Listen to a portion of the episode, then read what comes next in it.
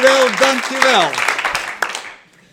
De vierde vandaag en we zijn blij dat jullie nog even enthousiast zijn als bij de eerste. Uh, wij zijn het ook. We zijn vier uitzendingen aan het verzorgen vanaf uh, de Sanoma Media Parade. Een jaarlijks evenement waar drie dagen lang inspirerende sprekers en workshops gehouden worden. Um, als je er nu niet bij bent en thuis kijkt, ga er absoluut, als je, dit, als je in media in de breedste zin geïnteresseerd bent, ga er volgend jaar naartoe, want het is voor iedereen toegankelijk. Je kunt je zo aanmelden via de, via de website.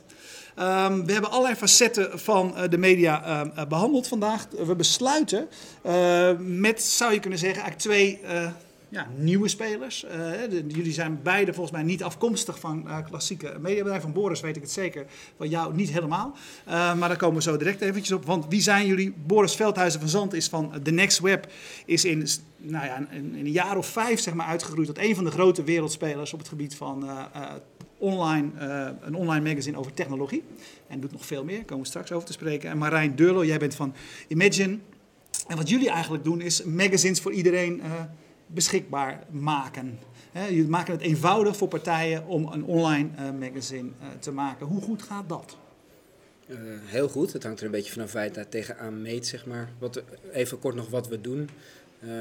Ik heb wel een achtergrond uit de klassieke media trouwens. Toch? Oké, okay, mijn research jaar, weer niet goed gedaan. Tien jaar TMG, dus en dat hakt erin. Maar je, voelt, je voelt je dus eigenlijk wel op je gemak voor zo'n rek met uh, tijdschriften. Ik kom me bijzonder bekend voor. Het is overigens ja. de enige tak van TMG waar ik niet gewerkt heb, okay. de tijdschriftentak. Maar, ja. uh, nee, en, en, wij hebben eigenlijk op het moment dat, dat, we zagen wat er in Amerika gebeurde bij de iPad met Flipboard, Site en Pulse en dat soort achtige applicaties, gedacht wij moeten zorgen dat alle mediaspelers ook dat soort uh, zeg maar techniek en, en middelen in, in, handen krijgen om hetzelfde te doen tegen dat soort uh, merken en daarmee hun, hun, eigen slag te slaan. Zeg maar. Dus, ja, en je maakt ja. het eenvoudig een aantrekkelijk, ogend, lekker bladerend uh, magazine voor op de iPad. Ja, we, we, faciliteren die techniek, dus wij zijn zelf nooit de uitgever.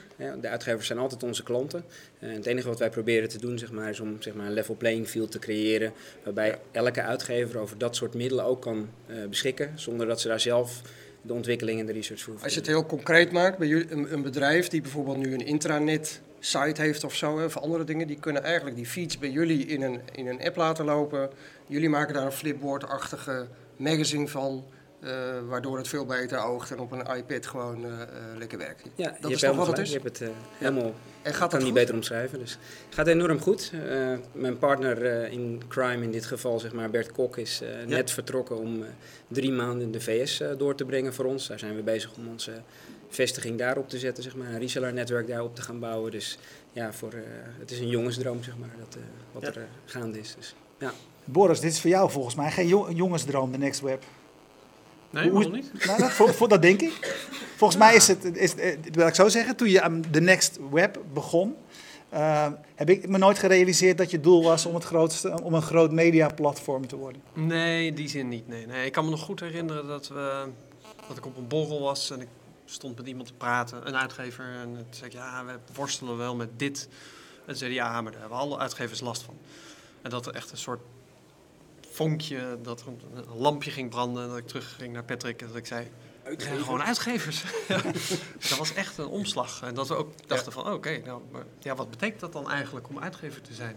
Wat doen uitgevers? En, en dat we ons echt uh, ja, het boekje How to be a Publisher for Dummies bijna hè, gingen lezen... om nou eens te kijken wat dat nou betekende voor ons. Ja, en, ja, maar, vertel eens. Wat, wat, wat, wat betekent dat? Ja, ja dat, ik heb het nog steeds niet uit, het boek... How to Publish for Dummies. Maar uh, het betekent dat je meer gaat nadenken over content. En ik ben, nou, een van de dingen, ik ben met heel veel publishers gaan, gaan praten. En wat dus een opvallend verschil is met startups. Meestal heb je een start-up, heb je, hè, je hebt een product of een service. En dat heeft een businessmodel en, en daar focus je op. En als publisher heb je meer een brand en je hebt bereik. En dat probeer je te monetizen. En dat de meeste uitgeverijen doen dat niet op één manier, hè, maar op een aantal manieren. Dus je hebt en advertising en je hebt de subscription en dan heb je nog een event en dan verkoop je nog t-shirts en e-commerce en weet je wel. Dus, en alles bij elkaar heb je ja. een breed inkomstenmodel in plaats van één ding. Ja, waarbij nou, het bereik vaak uh, middel is om al die ja. dingen aan de gang te krijgen. Ja, precies. Ja. ja. En dat was voor ons. Dus ik weet nog dat het voor jullie misschien allemaal helemaal hartstikke logisch, maar dat een uitgeverij uitgever mij dat uitlegde. En dat ik echt dacht, uh, wauw, ja, dat is inderdaad heel blij dat ik dat weet nu. Want dat klinkt zo logisch, maar weet je, ik kom toch uit een andere wereld van start-up waarvan je denkt, oké, nu hebben we een succesvolle blog.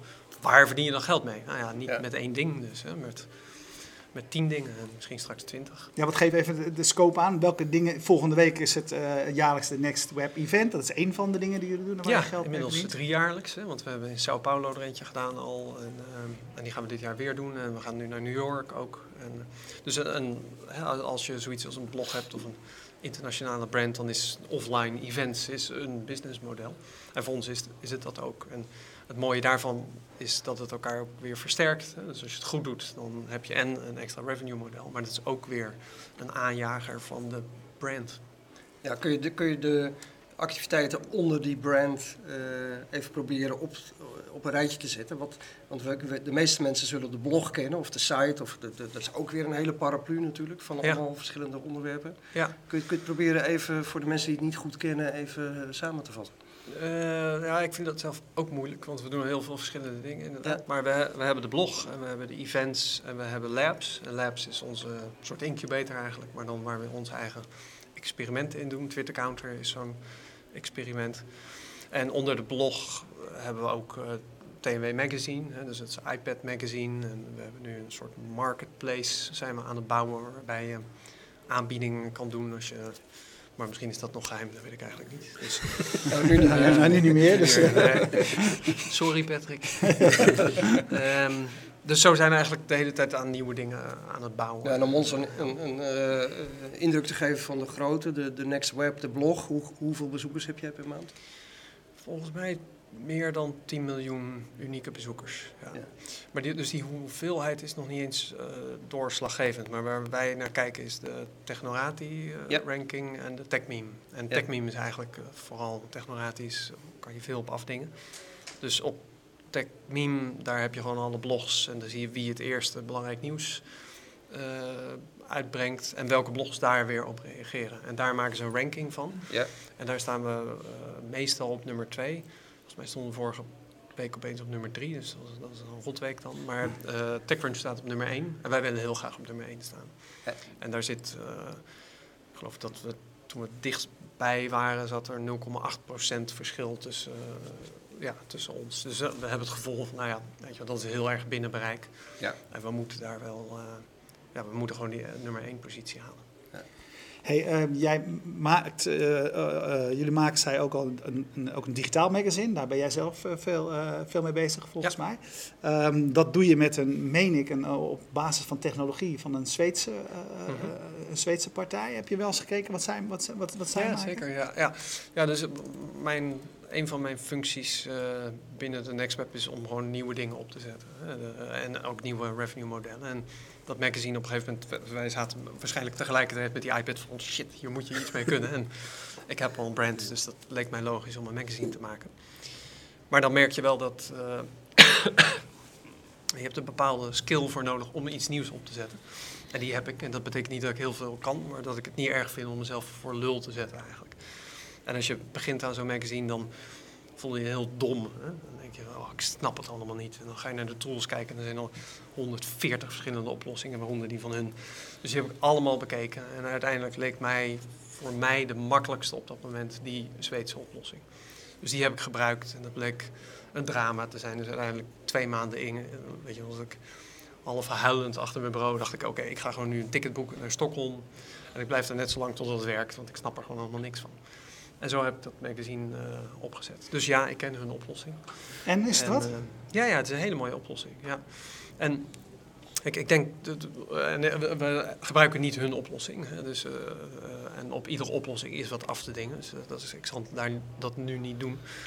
Maar ik denk wel dat het, het is een ontzettend interessant speelveld, hè, die digitale magazines. En de oplossing die ik nu gebruik voelt een beetje als een, um, zo'n koets met een motor erop. Dus het werkt, ja. maar je hebt wel het gevoel van ja. we staan nog ergens aan het begin van het Helemaal aan het begin. En dat is het spannende. En, en, en inhoudelijk, hè? Uh, dat is voor jou toch ook iets heel nieuws, een magazine. Mm -hmm. uh, waarin onderscheiden jullie je van de andere magazines op dit gebied? Uh, die vaak uit papier voortkomen en dan het, ja. weet je wat, de Wired of, of weet ik veel. Wat, wat doen jullie anders? Nou, we hadden niet, die, uh, we hadden niet iets om op voor te bouwen. Hè? Dus we, kon, we, konden gewoon helemaal opnieuw beginnen. Ja, je had wel heel veel content van je blog. Nee, nee, dus de eerste magazine hebben we een beetje gerecycled van de, van de blog. Maar vanaf het tweede magazine al niet meer. Dus bij het eerste magazine merkten we al dat mensen zeiden... ja, maar dat stond op de blog. Toen dachten we, oh ja, oké, ja, eigenlijk heb je ook wel gelijk. Weet je wel, dat is gewoon niet interessant. Ja. Dus we hebben 100% unieke content voor het magazine. En ja, het was ontzettend. Het, het is nog steeds heel erg leuk om na te denken over wat voor soort content kun je nou in een iPad magazine doen. Waardoor het magazine leuk is, wat makkelijk voor ons te produceren is. Maar wat ook die iPad ja, goed hè, ten volle benut. En dan denk ik, ja, gewoon alleen een artikel, wat je ook al lezen in een magazine. Tja, dat kan ook wel. Maar dat, is nog, hè, dat kan natuurlijk nog veel meer. Hè. En ik vind het ontzettend leuk om uh, als je het simpelste voorbeeld, als je, als je een film reviewt, dat je dan meteen de trailer kan zien. En als je hem leuk vindt, dat je hem ook meteen kan downloaden. Maar dat betekent ook weer dat we niet de allernieuwste films laten zien, want ja, die kun je nog niet downloaden. Dus we zoeken juist bij het onderwerp een soort classics, waarvan we weten, ja, die kun je ook meteen in de iTunes Store kopen en downloaden. Ja, jullie hebben natuurlijk uh, heel veel verschillende soorten klanten binnen Imagine, jullie uh, platform. Hoe kijken jullie daar tegenaan? Wat werkt wel en wat werkt niet op zo'n iPad in magazine vorm? Nou, we zijn ook nog heel erg aan het ontdekken wat wel en niet werkt. Want eigenlijk wat we proberen te doen, zeg maar, is om dat meetbaar te maken. En te zorgen dat we dat ook aan uitgevers weer terugpresenteren. Omdat we heel erg geloven in ja, techniek gebruiken om te helpen om het uitgeven beter te maken. Um, wat werkt wel en wat, wat, werkt niet, dat zit hem inderdaad in interactiviteit, in het goed gebruik maken eigenlijk van het medium. Uh wat je vaak ziet is dat het uh, uh, domweg kopiëren van iets wat al bestaat eh, en weergeven bijvoorbeeld als een pdf op de iPad, dat dat een heel beperkt, uh, beperkte toegevoegde waarde biedt. En dat het eigenlijk veel interessanter is inderdaad om een spoor op te gaan. En jullie gaan daar heel ver in, want wij zitten vaak nog op de lijn van hergebruik van bestaande content, zeg maar. Jij zegt, we maken zelfs unieke content daarvoor. Nou, dat platform sluit dat natuurlijk helemaal niet uit. Maar we zien vaak dat onze uh, klanten eigenlijk bestaande content op een andere manier willen weergeven. En dan zie je dus dat met name de interactieve elementen ervoor zorgen, waarbij het medium goed gebruikt, uh, dat die ervoor zorgen dat er meer of beter gelezen wordt. Maar eigenlijk zeg jij ook, als je naar die innovatie kijkt, de iPad als een game changer. Uh, wat de traditionele uitgevers vaak doen, namelijk gewoon de PDF in een, een beetje een aardige vorm uh, op, in een app uh, stoppen, dat, dat gaat hem niet worden.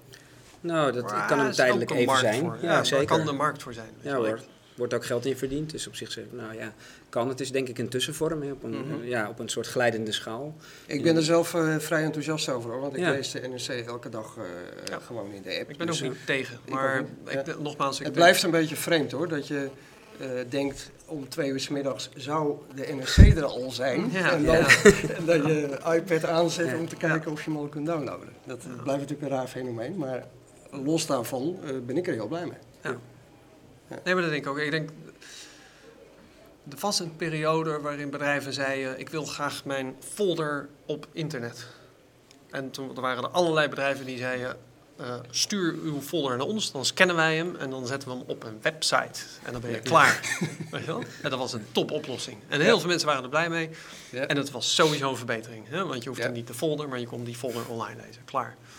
Maar goed, inmiddels begrijpen we dat het verschil tussen je folder online en een dynamische website, die dynamisch is, hè? Dat, ja. dat is wel een wereld van verschil. Dus als je zegt, uh, hè, wat vinden jullie van mensen die hun folder op internet zetten? Dan zeg ik niet, oh dat is stom. Nee, ja, ja goed. Ja. Maar goed, jij, bent, jij bent nu de uitgever geworden en je zit met je rug naar een, uh, een paar stellingen met allemaal uh, tijdschriften. Jij geeft ook een tijdschrift uit tegenwoordig.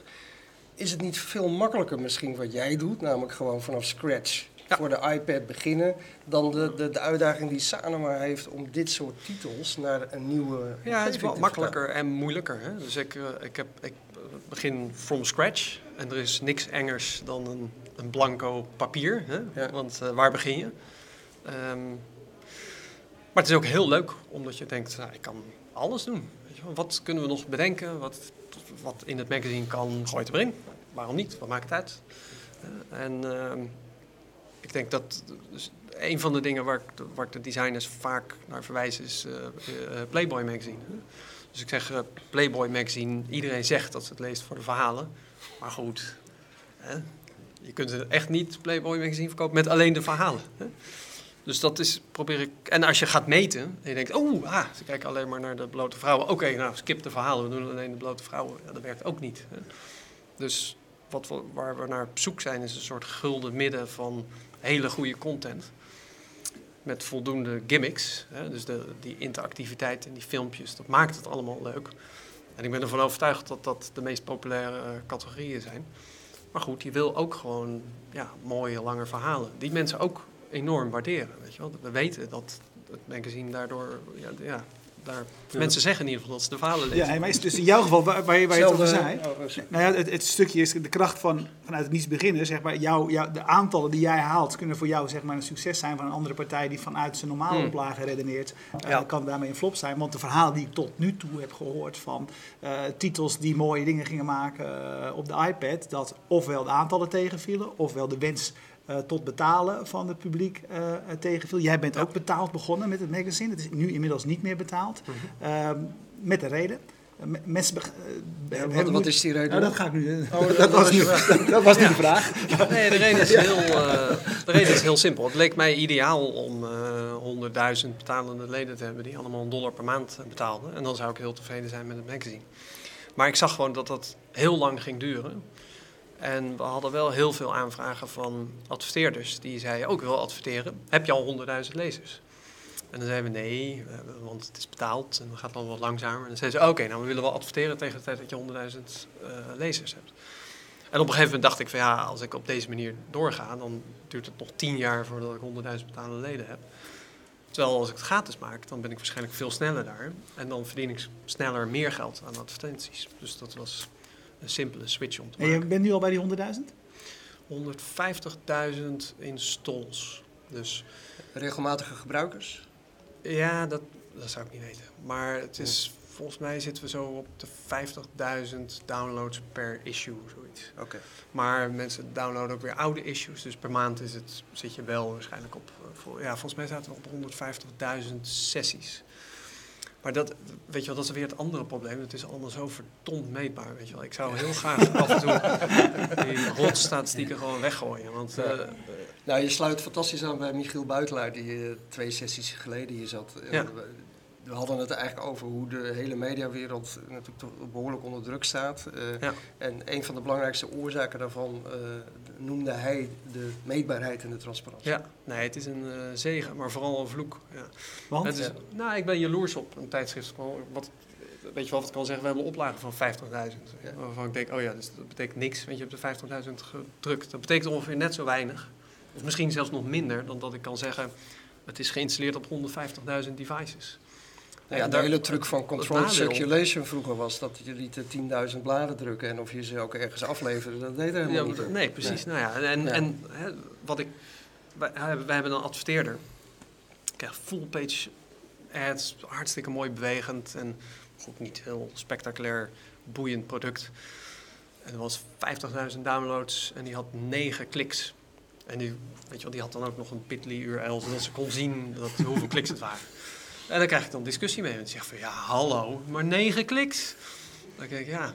Maar, zijn, maar het waren wel hele goede kliks. Ja, ja, ja, dat kun je dan zeggen. Maar tegelijkertijd denk ik, ja, dus, er was zo iemand die maakte een grap. Uh, niemand gaat ervan uit dat als je een billboard op straat ziet, dat iemand dan denkt, oh, en dan meteen naar de winkel rent. Want ja, ik zag billboard, kan ik dit kopen? Weet je wel, niemand... Dat is branding en daar betaal je voor. Maar dat is online omdat het meetbaar is. Dus ja, ik vind het omgekeerde wat jij aansnijdt eigenlijk ook heel goed. Want we hebben een ander voorbeeld. We hebben een, een medische app, een medisch magazine zeg maar, wat voor artsen is. Helemaal gepersonaliseerd. Waarbij eigenlijk elke arts helemaal zelf samenstelt naar basis naar zijn eigen inzicht zeg maar. En als we daar dus negen kliks hebben, zijn dat inderdaad heel hoogwaardige kliks. En wat je ziet is dat met name de farmaceuten helemaal gereed zijn. Om, zeg maar, die mogen ook alleen adverteren naar bepaalde beroepsgroepen zeg maar. Wij kunnen dat nu helemaal mee meetbaar maken en ook garanderen dat dat zo is. Nou, daarmee heb je een soort circuit gemaakt waarmee je dat kan faciliteren. En dan neemt de waarde ineens enorm toe. Dus dat speelt wel degelijk een rol. Omdat in dit geval je doelgroep zo duidelijk is en zo aansluit op, uh, op die adverteerder. Ja, en als die negen kliks ook daadwerkelijk leiden. Kijk, als negen kliks leiden tot een, een percentage transacties daarachter van 0,01 zoveel, zeg maar, wat je online normaal gesproken gewend bent dan heb je daar natuurlijk nog steeds niks aan. Maar op het moment dat die negen transacties, of dat die negen kliks zeg maar, tot zeven of acht of negen transacties leiden, dan is het weer een heel andere discussie. Dus het gaat ook over targeting. Zie je dan in jullie wereld, omdat je zo, dat platform zo goed kunt meten natuurlijk voor al die verschillende klanten van jullie, dat je echt kunt constateren dat die hele kleine niches, wat, wat vroeger eigenlijk nauwelijks te, te exploiteren was, dat dat met dit soort hulpmiddelen opeens heel interessant gaat worden? Ja, dat zie je enerzijds. Het is, dat is nog aarzelend, hè, omdat adverteerders dit ook allemaal moeilijk vinden. Want je wordt al heel snel verleid om in een CPM-model te, terecht te komen en, en over dalende CPM-prijzen te gaan praten. Ik probeer daar ook altijd zeg maar, onze uitgeefklanten uh, te adviseren om dat niet te doen en niet in dat model mee te gaan, zeg maar. En hoe lang ze dat volhouden is natuurlijk altijd aan hunzelf. En is ook, is ook gewoon moeilijk om, daar, eh, om niet mee te gaan met wat je adverteerder gewend is, bijvoorbeeld. Anderzijds, en dat, dat vind ik dan weer grappig, uh, zie je dus dat in niche-segmenten, zoals inderdaad dat medische ding bijvoorbeeld, daar zie je dat dat dus heel goed werkt en dat het eigenlijk precies op maat is. En dat dat voor de farmaceut eigenlijk veel waardevoller is dan een, een, een brede brandingcampagne, zeg maar bijvoorbeeld. Uh, een andere trend, en die vind ik zelf veel interessanter, uh, is dat je ziet dat um, waar vroeger dit spel gespeeld werd door uitgevers, zie je langzamerhand dat ditzelfde spel nu ook gespeeld gaat worden in het bedrijfsleven. En ja, wij zijn ooit begonnen met een media-achtergrond. We hebben, Bert en ik hebben allebei een media-achtergrond. En we zijn begonnen uh, helemaal vanuit een doelgroep van, van, van uitgevers en van magazines en van kranten enzovoort. En langzamerhand is ons bedrijf zeg maar, nou ja, van 50-50 nu naar 70-30, zeg maar, zo'n beetje terechtgekomen in het bedrijfsleven. En wat ik er interessant aan vind, is dat je ziet dat het bedrijfsleven tot de ontdekking komt dat zij uitgever zijn. En dat er dus veel meer groepen uitgevers zijn die we vanuit onze achtergrond als media uh, kunnen helpen om hun klanten of hun medewerkers te bereiken. En dat eigenlijk dus het vakgebied breder geworden is dan alleen maar de, de, de, media die we vroeger deden, dus de massamedia bijvoorbeeld, uh, dat dat veel meer een communicatiespel geworden Geef is. nog eens wat andere voorbeelden daarvan. Nou ja, we hebben bijvoorbeeld nu uh, het intranet van de Belastingdienst hebben wij gedaan. Dat klinkt heel gek, maar dat is, uh, wij zijn de mobiele variant voor het uh, intranet van de Belastingdienst. En wat je dan ziet als je naar het gedrag kijkt in zo'n, op zo'n platform, is dat de iPad eigenlijk uitlokt om s'avonds na het eten nog eens eventjes iets te gaan lezen. Dat was ook het nieuwe aan wat er het Flipboard gebeurde bijvoorbeeld. Daar zag je datzelfde. Um, wat je nu ziet is dat daarmee dus de relatie tussen het bedrijf en de medewerker bijvoorbeeld verlengd wordt. Omdat je ziet dat dat soortzelfde pieken er zijn waar we vroeger de klant lazen. Eh, s ochtends om 7 uur bijvoorbeeld. Of uh, s middags aan het eind van de middag of s avonds na het eten. Die pieken zie je nu terug in het gebruik van een iPad bijvoorbeeld. Wat heel anders is uh, dan bijvoorbeeld het gebruik van een smartphone, waar je overdag veel meer uh, terug ziet. Dus het spreidt zich meer. En je bent dus daarmee, ja, als je dit soort platformen gebruikt, zeg maar, in staat om contactmomenten uh, te, te verbreden en een langere tijd contact te houden en vaker contact te hebben met je medewerkers of klanten. Ja, vraag van Brechtje de Leij op Twitter. Als je ook vragen wil stellen aan onze gasten, gebruik even hashtag FMT. Dan pakken wij ze op en stellen wij ze namens jullie. Geldt ook voor de mensen hier in de zaal. Uh, Boris, vraag voor jou. Uh, Brechtje, het is een beetje, denk ik, beroepsdeformatie, uh, want zij is product manager bij nu.nl. Maar ze wil van jou weten of je ook op Android binnenkort uit gaat komen. De tablets dan, gezien de voorspellingen dat er in 2013 meer Android-tablets worden verkocht dan iPads. Ah, was eventjes al op Ik was op Android, ja, ik ben er weer mee opgehouden. En? En waarom? Waarom? En waarom? Ja, omdat ik er uh, zagrijnig van werd. En waarom? ja, omdat de Android is. Uh, het is sowieso moeilijk hè, om Android. Het is een operating system en je hebt tablets dan die op Android draaien. Dus meestal kies je een tablet waar je voor ontwikkelt. En dat hebben we gedaan. We hebben er eentje uitgepikt. En, en dat was gewoon een, dat is gewoon een waardeloze holding. Weet je wel? Dus het is gewoon dat Android is buggy en lastig. En je wordt er gewoon echt zagrijnig van. En ik zag het aan de mensen die ermee werkten, die werden ook zagrijnig ervan. Ja. En weet je wel, het, het, het, wat, je, wat, wat mij opviel van uh, developer voor Android is dat uh, die mensen zijn heel mondig, uh, klagen snel over al wat je niet uh, doet, totdat je het maakt en dan leest niemand het. Dus we hadden de meeste klachten van Android-gebruikers die zeiden, ja, wanneer komt er nou een magazine voor Android? Nou, dat is gepublished. En er was één op de dag 80 downloads was van een Android-gebruiker. Ja. En uiteindelijk uh, dacht ik op een gegeven moment, ja, waar doen we al die moeite voor, weet je wel? Het is, ja, en hoe kijk jij dan naar die trends die Brechtje signaleert, dat, weet je wel, die voorspellingen, dat in 2013 er meer uh, Android-tablets verkocht nou, ik worden vermoed dat zelfs als dat zo is, uh, dat er dan alsnog spectaculair veel minder magazines worden gelezen op die meer Androids die verkocht worden. Dus jij, bent, jij ziet in de praktijk dat wat iedereen zegt, dat doordat Apple de hardware, het operating system en de commercie in één platform heel strikt controleert, dat je daardoor heel andere conversiepercentages bereikt. Ja, ja. ja. en ik merk het ook. Ehm, we zagen het gewoon in het gebruik. Hè? Dus dat mensen eh, op een Apple lezen ze dan 20 minuten het magazine. Ja. En op een Android 20 eh, seconden of zo. Ja, zien jullie dus, eh, hetzelfde? Uh, het verandert. Dus ja, wij zagen hetzelfde. Hebben jullie een Android-versie? Ja, sterker nog, ons platform zorgt er eigenlijk voor dat je er niet druk over moet maken. Dat is precies waarom we het ook gedaan hebben. Omdat we zeggen van ja, je ziet uitgevers die dus allemaal losse versies gaan maken voor de verschillende platformen. Wij proberen juist een oplossing neer te zetten waarbij wij eigenlijk op al die platformen uh, op de best mogelijke manier publiceren. Waarbij de critici dan altijd zeggen, dan werkt het nergens optimaal? Ja, nou, ik, oordeel zelf, zou ik dan zeggen. Ja. Dus, uh, ja.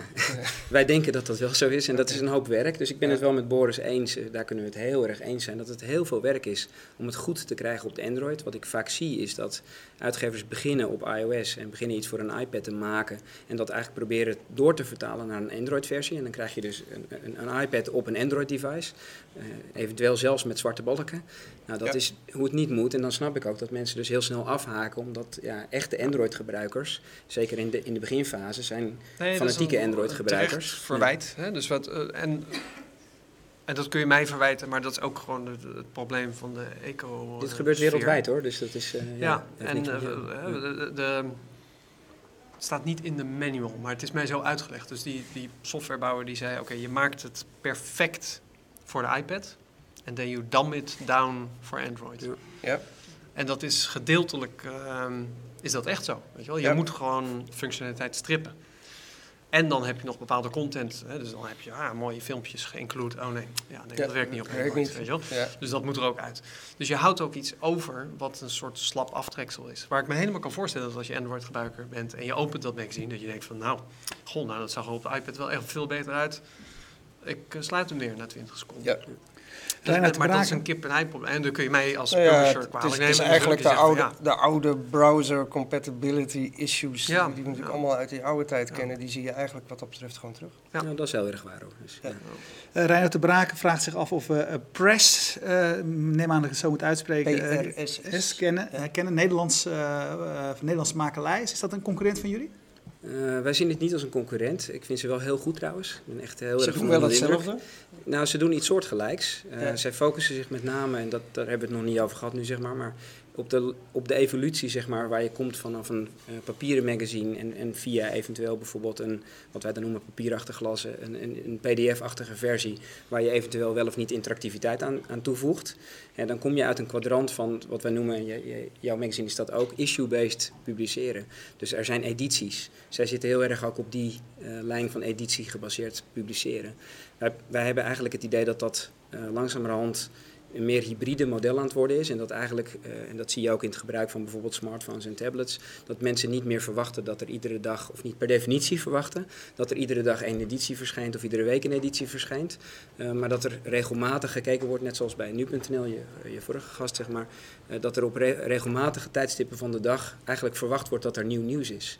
En dat de, de mobiele devices hebben ook uh, uh, het consumeren mobiel gemaakt, zeg maar. Ja. Nou, en daar proberen wij eigenlijk een beetje op in te spelen door te zeggen van nou, wij, we faciliteren eigenlijk het platform waarmee je dat heel makkelijk kunt, uh, kunt bewerkstelligen. Ja, we zitten hier in, in, de, in het huis van de issue-based publishing. Het is een mooi woord uit de digitale wereld, dat zijn gewoon die dingen daarachter je.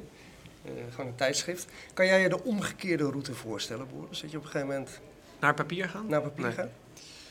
Nee, echt niet. Nee, nee ik denk, uh, ik, zie, ik sluit niet uit dat we ooit papieren magazine zouden maken. Ja, maar als gimmick misschien voor, de, voor het congres of zo. Ja, of, dus, of, uh, als je eenmaal publisher bent, dan ja. zoek je naar manieren om. Hè, en een congres is een optie. Ja, en ik vind het wel grappig dat je natuurlijk wel sowieso al heel traditionele methoden gebruikt. Want je, je schrijft ook gewoon een, een, letter of the editor. In, ja, in, ja, ja, Het is gewoon uitgevers in het spelen. Ja, ja, ja, ja, Volgens mij ik val een keer door het land.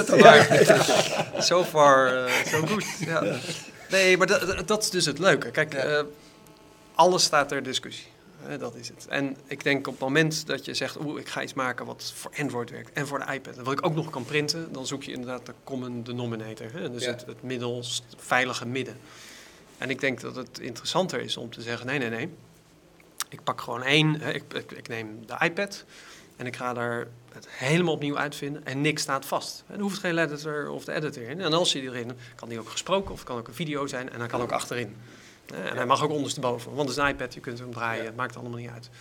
En ik denk dat dat juist, daarom vind ik het leuk om het te doen. Hè? Om, om, omdat ik weet dat nog niks vaststaat. Hè? Dus, ik ben dit helemaal met je eens overigens. En dat is, het grappige is, is uh, want ik denk dat er helemaal geen verschil is op, uh, qua, qua inzicht op dat vlak.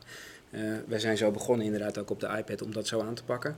Alleen het grote verschil, eh, dumb down voor de Android. We hebben eigenlijk gezegd, we beginnen ook zo voor de Android. Ja, ja. De Leij zegt ook wel op Twitter nog steeds van ja, bij hun is Android inmiddels wel groter ja. dan, dan iOS. Ja. Uh, dus ja, dat, en, het grappige is, want je vroeg naar papier, maar wij zien, uh, en dat is wel een hele beweging andersom weer, wij zien langzamerhand wel dat, uh, en dat is dan ook weer in het bedrijfsleven, maar uh, dat daar aan het einde van het digitale product ook weer een printproduct is.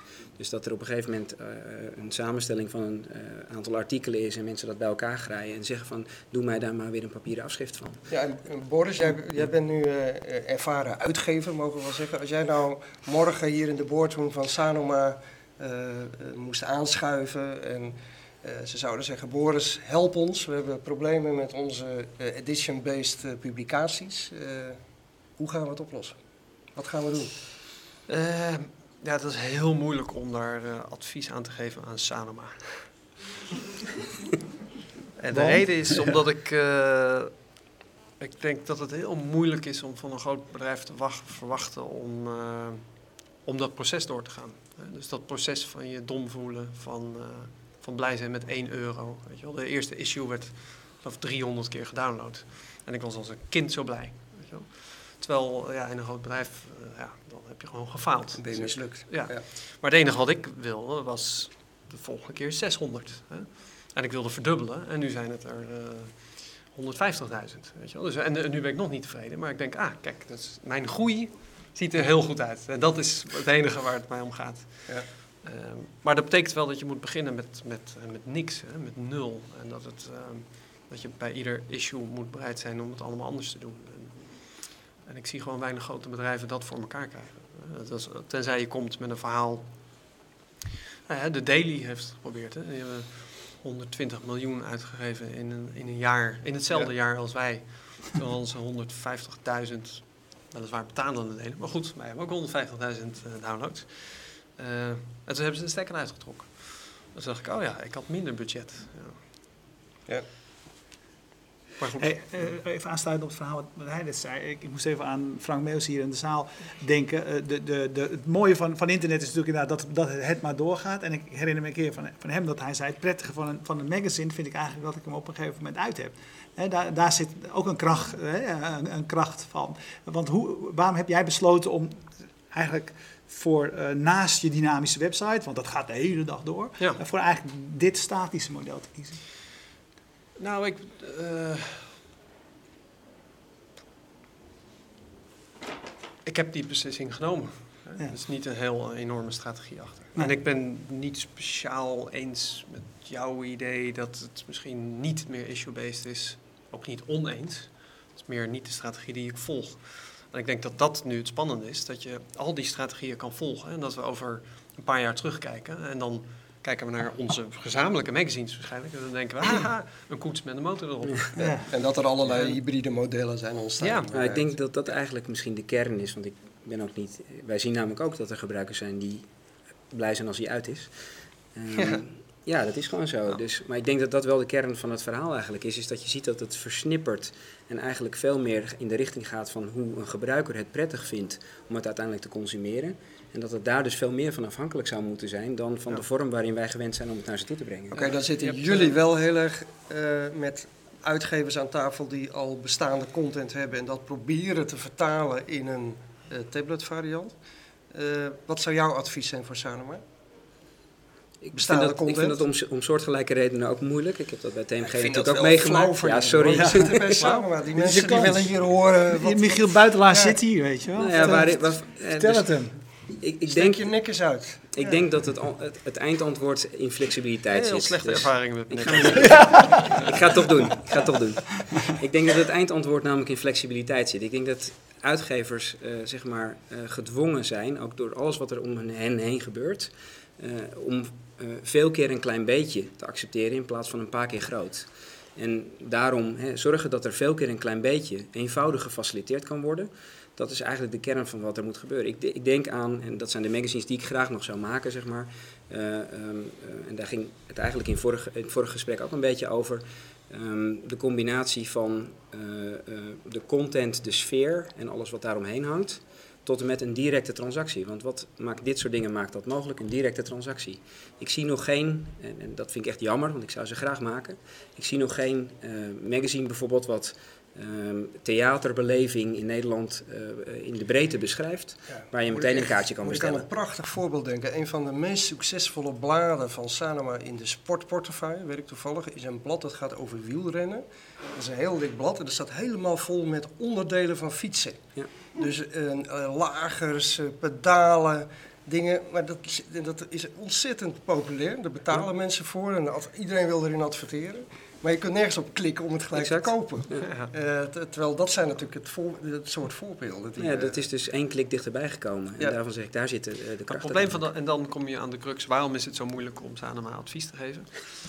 Ik denk, hè, als je met ze gaat praten en zegt, laten we een iPad magazine maken dan zeggen zij, uh, oké, wat levert dat op? Ja, nou, in eerste instantie niks, want het is een hoop werk en we weten niet hoe het moet en het kost drie maanden. En dan zeggen ze, ja, hallo, dan beginnen we er niet aan.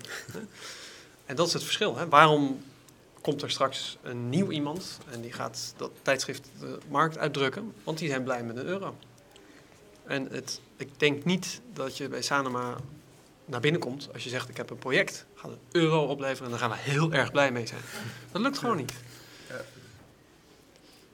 Niemand die uh, disagreed? nou, ik vind het wel Michiel wel een beetje hoor. Ja. Nou, ja, ik, ik, denk dat het uh, heel valide is, wat jij zei over dat uh, bedrijven als dit en, en andere klassieke uitgeverijen zeer waarschijnlijk genoeg moeten nemen met heel veel kleine beetjes. Ik herhaal mij voor de mensen thuis, Michiel Buitelaar die op de tribune zit, die we niet zien, die zegt dat hij het met je eens is dat de uitgevers tevreden zouden moeten zijn met heel vaak een klein beetje in plaats van uh, die grote hoop. Ja. Dus uh, steun. En dat is best lastig. En dat is best lastig. Dat is heel lastig. ja. Maar het moet toch?